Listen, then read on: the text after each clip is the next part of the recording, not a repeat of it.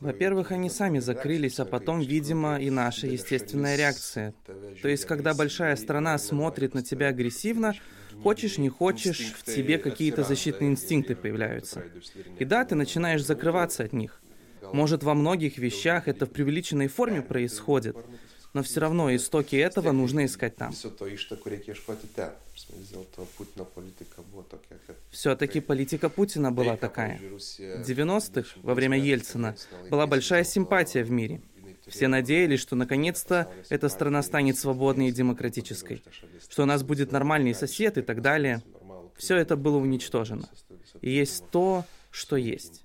Во всех областях, и в экономике, и в искусстве, все эти связи существуют чуть ли не из вежливости, чтобы полностью отношения не разорвать. Вы слышите голос писателя, драматурга и общественного деятеля Мариуса Ивашкевичуса. У микрофона Инна Шилина. Для этого интервью мы встретились с ним в его студии в Вильнюсе зимой, во время одного из его коротких приездов в Литву еще до неожиданно горько и больно рванувшего его романа «Зеленые», написанного им 17 лет назад.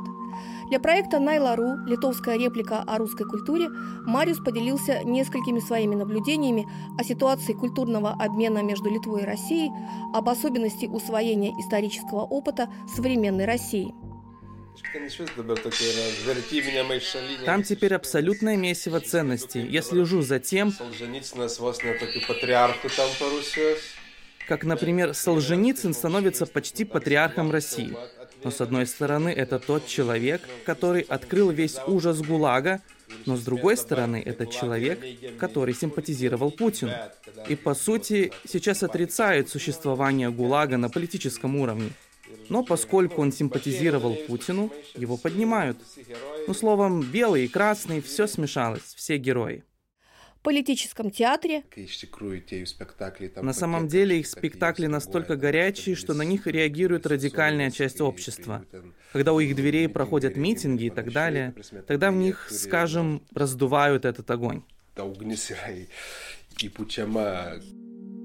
а также личном опыте чтения русских и европейских авторов из недавнего прошлого с перспективы нашего времени. Ту литературу, написанную в прошлом, в мире, в котором мы не живем, мы ее, конечно, читаем, имея в виду или имея в себе тот мир, в котором живем неизбежно с теми уже изменившимися ценностями. Другая вещь, мы ее, конечно, читаем по-разному, находясь в разном возрасте. Одним образом мы ее читаем, когда молоды, когда нам важны одни вещи, а о других даже не думаем. Я совсем недавно решил перечитать «Триумфальную арку Ремарка» и внезапно понял, что читаю этот роман совсем иначе, по двум причинам. Во-первых, я его читал, будучи школьником или только окончив школу. Во-первых, я не понимал таких деталей, как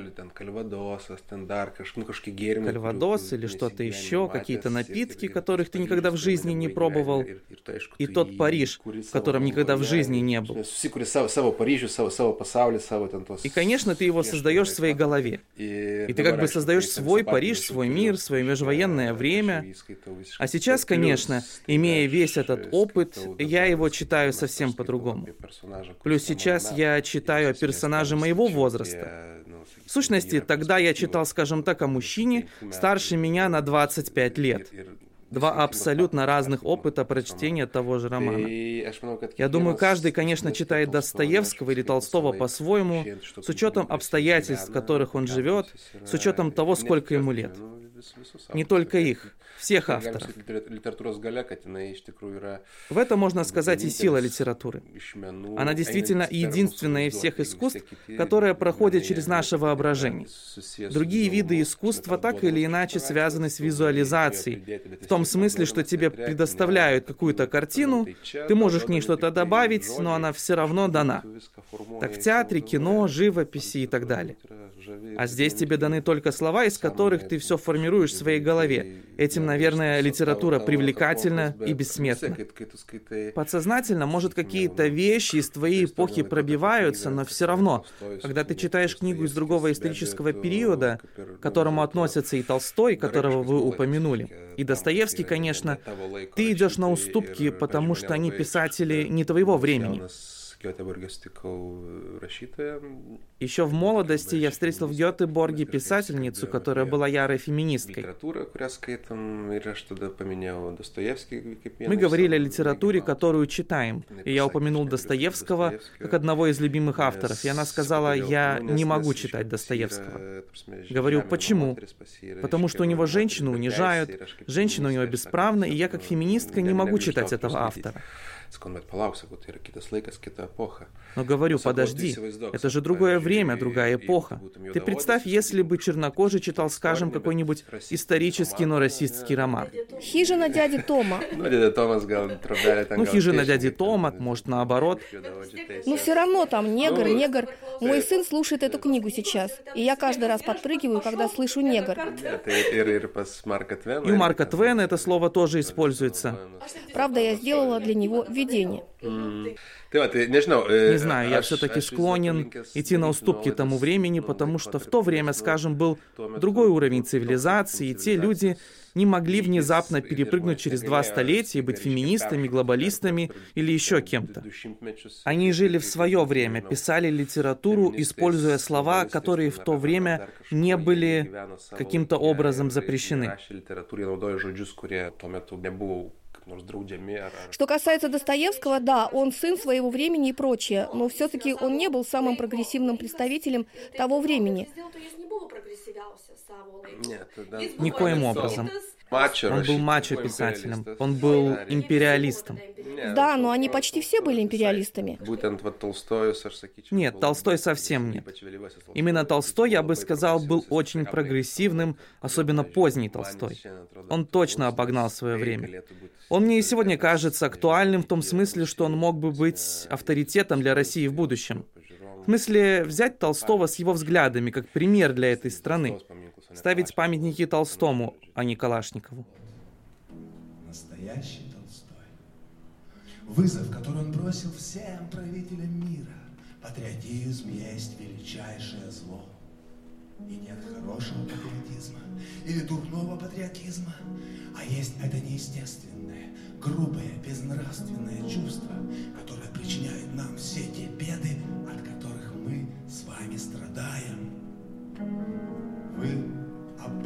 что-нибудь слышали? Знаете? Не хотите? Кому оно нужно сегодня, когда люди нашего времени настолько связаны всякого рода сношениями, торговыми, умственными? Оно нужно правительству, чтобы держать нас в рабстве. На этом основано их жалкое существование. И для этого уже в школах они разжигают патриотизм историями о том, что их народ лучший, лучший из лучших, лучший всегда правый. А у взрослых это же чувство они разжигают торжествами, памятниками, патриотическими статьями. И вот уже народы без всякого на то разумного основания не только сочувствуют своим правительствам в их нападении на другие народы, но и сами требуют этих захватов, гордятся ними и радуются. Особенно этим гипнозом владеет наше правительство. Оно более других избаловано домашним молчанием народа и принятием им любой лжи, без малейшего колебания, задушив Польшу, ограбив Финляндию, причиняя всякого рода жестокости по отношению к другим народам. Оно разжигает в них вражду, а потом этой же враждой пользуется, разжигая патриотизм у себя и кричит, смотрите, смотрите, вокруг нас враги, нам нужно обороняться. Мелкие же народы, поляки, чехи, армяне, реагируя против такого давящего их патриотизма, настолько заражаются от угнетающих этим вредным, отжившим, бессмысленным чувством, что сами готовы делать то же самое по отношению к другим народам во имя того же патриотизма. Да во всем христианском мире, во всех европейских народах разгорание этого ужасного чувства дошло до полного озверения. И вот уже люди, спокойно живущие в своих никем не угрожаемых им домах, где-нибудь в Европе или в той же Америке, при всякой войне становятся в положение зрителей римского цирка, сбившегося с нас рабами, и также радуются Вы слышали отрывок из спектакля «Русский роман» по одноименной пьесе Мариуса Ивашкевича постановки Оскара Сакаршиноваса в Русском драматическом театре Литвы. В аннотации к спектаклю предупреждение, что на сцене будут курить. Вы тоже время от времени услышите щелчок зажигалки и, как Мариус говоря, стряхивает пепел в пепельницу. Но опять же, таких, которые обогнали свое время единицы. Другие в то время просто писали хорошую литературу с ценностями того времени, в котором они жили. Не осуждать же нам их теперь. Если литература хорошая, я склонен сделать скидку. Но все равно существует это понятие «скидка». Ну, тэп, тэп. И Пушкин, к примеру, и Лермонтов, все они были империалистами.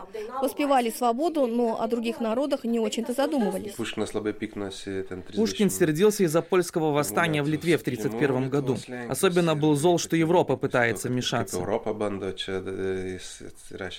Писал, что это наше семейное дело, что сами должны разобраться. Какое семейное дело, если Россия эти земли оккупировала, а кто-то хочет освободиться? Да, он был человек империи, прекрасный поэт, но вот с такими взглядами. Когда задаю вопрос о русской культуре, порой слышу такой ответ. Если страна не развитая в политическом и гражданском смыслах, зачем нужно интересоваться их театром, литературой, языком? Такого слова, как должен, нет. В общем, нет такого, что обязательно нужно чем-то интересоваться. Это выбор человека. Знаете, как бы не было бы странно в том хаосе, в котором живет Россия, можно сказать, уже долгое время, может даже столетия, те курьезы, происходящие с человеком, часто рождают очень интересные художественные явления. я думаю, что для творческих людей в России материала для творчества столько, что нам, живущим на Западе, не мечтать.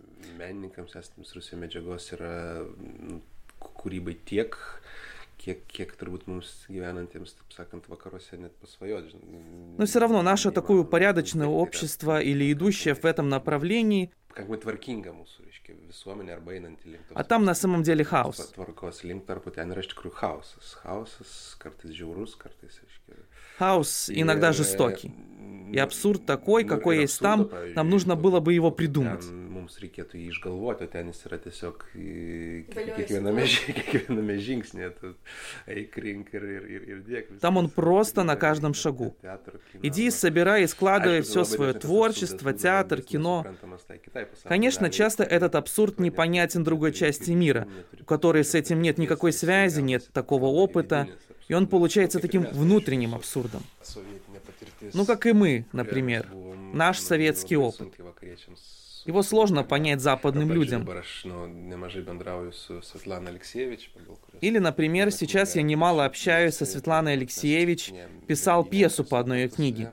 И мы встречаемся в Берлине время от времени.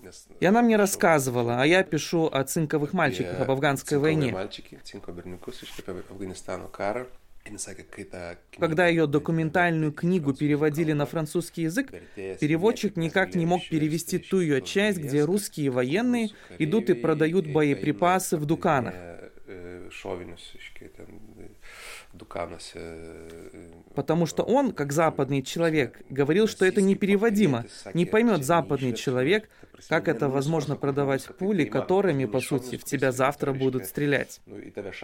Продавать боеприпасы своим врагам или автоматы Калашникова и так далее. Так что я иногда читаю Толстого или Достоевского, которые все равно принадлежат XIX веку, и сравнивая их с немного более ранними, на 40-50 лет французскими писателями, Бальзаком, Жорж Санд, которыми мне приходилось интересоваться для своих пьес. Я все-таки замечаю, что тех я читаю, потому что нужно ознакомиться, потому что это классика, но с ними я себя уже никак не ассоциирую. Это несколько отдаленно, как музей. А все-таки, читая этих авторов, ты находишь отзвуки в себе. Ну, как muziejus.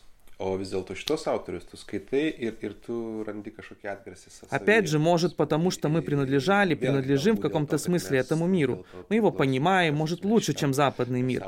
Особенно прошлое западного мира.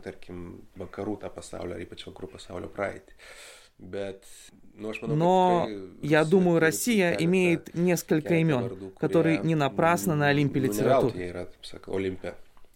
Их немного, но те же Достоевский, Толстой, добавить к ним Чехова, потом несколько авторов 20 века, Булгакова, а также Набокова, который, скажем, наполовину русский писатель, наполовину западный человек.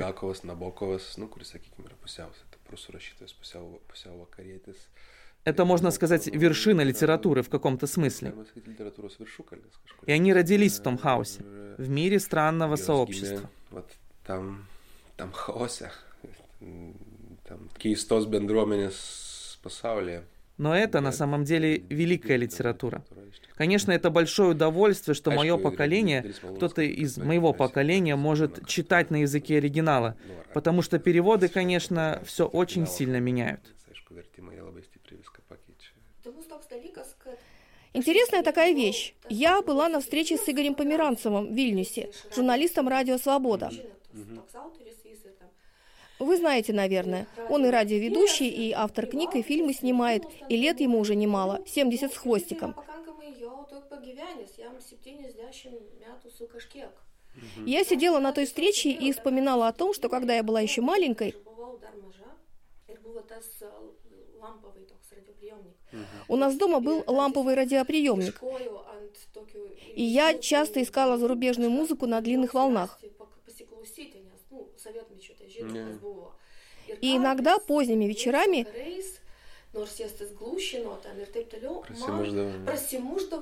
Хоть ее и глушили, что-то прорывалось.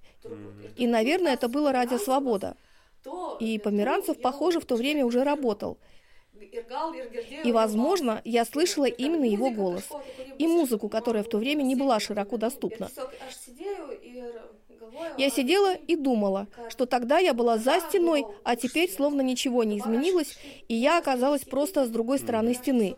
Я теперь сижу вместе с Померанцевым, а стена осталась. Точно осталась.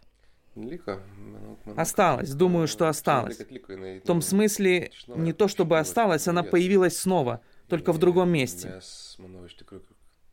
И мы, думаю, каким-то волшебным образом смогли проскользнуть через нее. Имею в виду Балтийские страны. В каком-то смысле и Восточная Европа, которая в Варшавском блоке была. Хотя их советский период был далеко не такой, как наш. Все-таки там была иная реальность. А другие остались. Украина пытается выбраться, но мы видим процесс очень долгий и сложный. Кавказ, страны Центральной Азии, они, к сожалению, в каком-то таком, мне даже сложно назвать это. Может, это имитация демократии какая-то, где-то даже ее нет.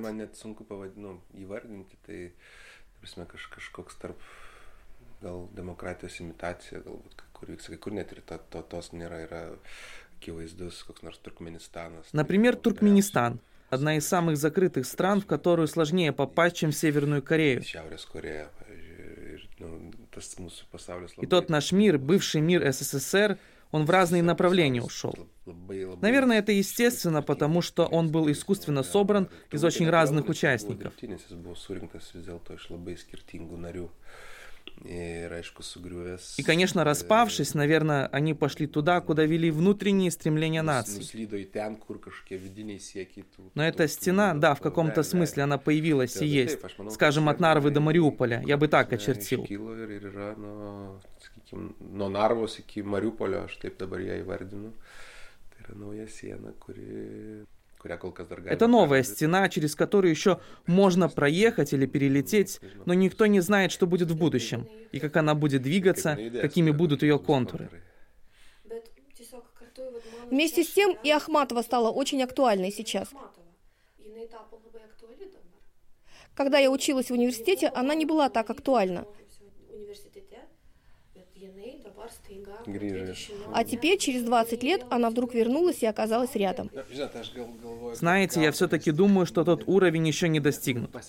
Я был в доме Ахматовой в Петербурге, где теперь ее музей открыт. Слышал весь тот рассказ о ней.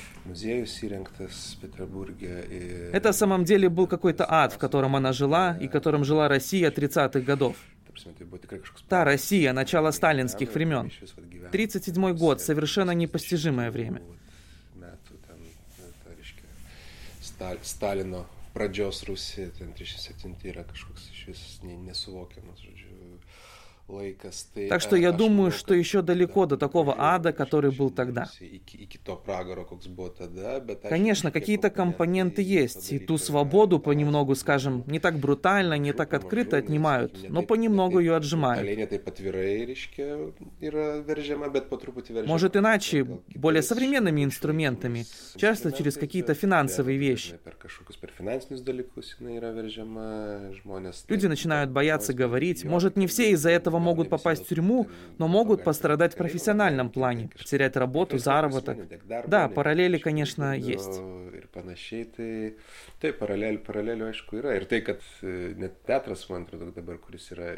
Даже театр, российский театр, который сейчас в фазе расцвета, это тоже в каком-то смысле благодаря тому, что происходит в стране.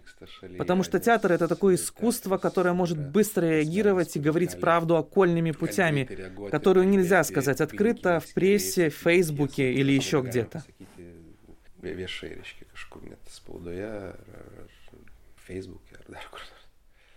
Мне очень нравится это явление политического театра, а у нас в Литве есть нечто подобное.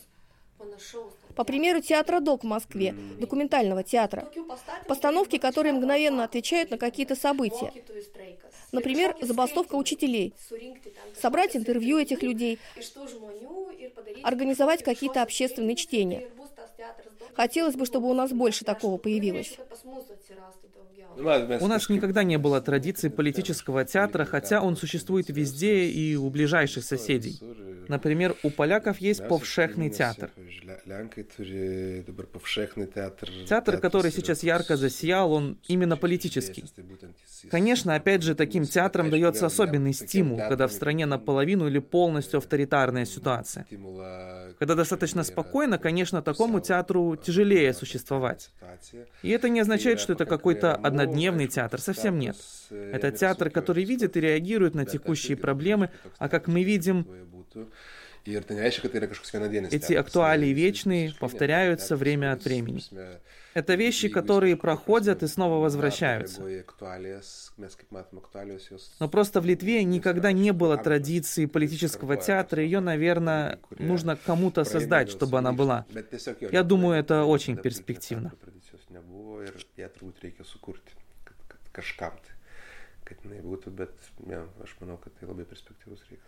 А что мы можем найти в литовской литературе, чего не найти в русской?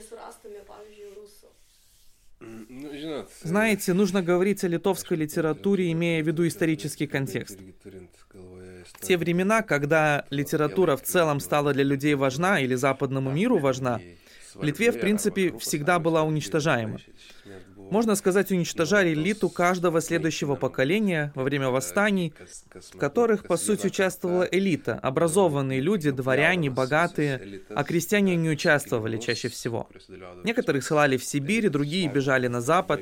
Так происходило более ста лет.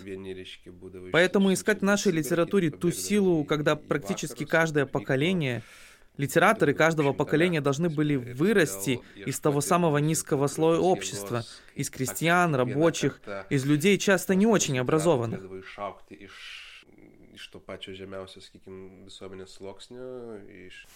У них не было условий конкурировать ни западной литературой, ни с той же русской литературой, которая все-таки sąlygų konkuruoti su, nei su vakarų literatūra, nei su ta pačia Rusijos literatūra, kur vis dėlto turėjo, ну, žymiai, ten irgi vyko. Там тоже были репрессии и так далее, но все-таки говоря об элите, трагедии такого масштаба у них не было.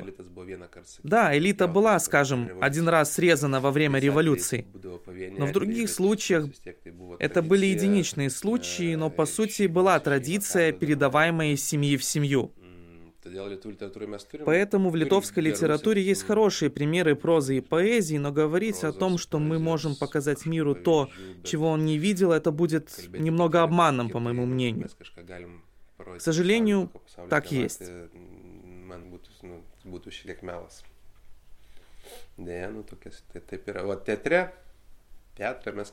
Вот в театре Театры мы как-то сумели, как и баскетбол, взрастить из своих рамок. И театр точно, во всяком случае, последние 3-4 десятилетия у нас был на очень высоком уровне. В одно время он для меня был выше, чем российский театр. Сегодня, может, уже не утверждал бы так, потому что наш театр немного ослабевает. Потеряли Некрощуса, и российский театр, на мой взгляд, сегодня на подъеме. Но у нас точно было золотое время театра, когда мы смогли выбраться из своей провинциальности и дать миру очень многое в области театра. А в России театр, может быть, меньше контролируется, чем другие сферы? Ну, как ну как, вы видите, люди в тюрьмах сидят. Конечно, театр всегда больше сообщества, нежели все остальные. Литераторы, они все равно индивидуалисты по одному. Кино каждый раз собирается отдельная команда и потом разойдется. У театра есть свои трупы. И я вижу, что из всех искусств современный театр России наиболее сопротивляющийся тому, что происходит в стране. И из-за этого, конечно, он испытывает самое большое давление со стороны властей, как я замечаю в последнее время это и при назначении художественных руководителей. И другими способами давят, и отправляют под домашний арест и так далее.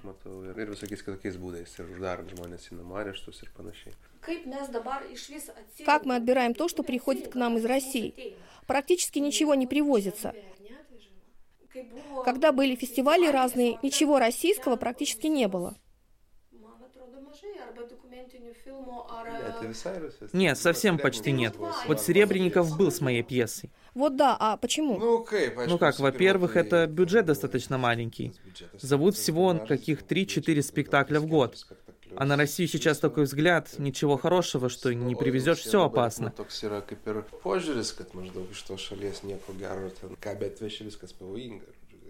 Даже и фестиваль «Золотая маска». Он возит свои лучшие спектакли по Эстонии, Латвии.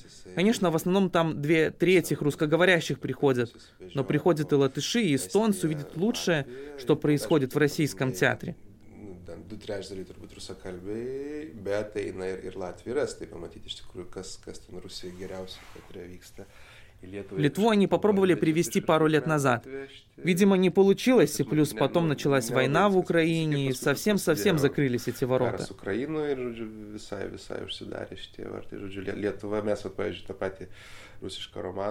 Словом, тот же русский роман везли в смысле не мы, а театр Маяковского вез в Ригу Лепая, Венспил, Сталин. Так вот, литовцы, кто очень хотел увидеть, ехали в Ригу посмотреть, потому что в Вильнюсе не получается. Ну, такая ситуация. Вам нужна какая-то финансовая поддержка? Или нужен интерес? Нет-нет, не финансовый вопрос. Думаю, что нужен интерес. Но просто понимаете, когда такая сложная политическая ситуация, конечно, искусство в каком-то смысле становится ее заложником. Я очень надеюсь на то, что это изменится, хотя сначала должна, конечно, измениться политическая ситуация, исчезнуть та агрессия России.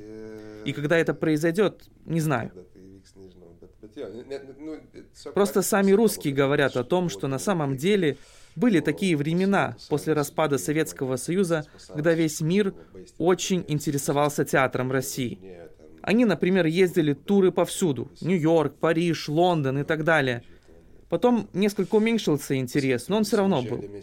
Ну, скажем, как к экзотике. А после 2014 года, в сущности, мир закрылся для них. В смысле, что если они и едут сейчас куда-то, то чаще всего они едут играть для русского меньшинства. В том же Нью-Йорке или еще где-то. Чаще всего это бывает для русской публики, русскоязычным, которые там живут. Они действительно многое потеряли с той агрессией, самоизоляцией. Российское искусство очень страдает от этого, и художники это чувствуют. Российского кино почти не найдешь, театра.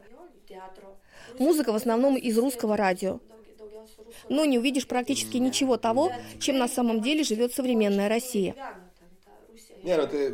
Ну, мне, конечно, очень жаль, что сейчас мы в Литве, по сути, имеем возможность увидеть только, скажем, дешевое искусство России. И не имеем понятия о том, что там еще происходит. И из того дешевого мы представляем, что Россия вот такая и есть. Но говорю, такова реальность. Не вижу лекарств, чтобы как-то сейчас это изменить. Потому что пока мы будем в такой довоенной ситуации, по-другому и не будет. Под звуки из зала по завершении первого акта спектакля «Русский роман» мы заканчиваем этот эпизод из серии «Литовская реплика о русской культуре». Патронировать создание новых эпизодов Найла вы можете по адресу patreon.com нанук мультимедиа.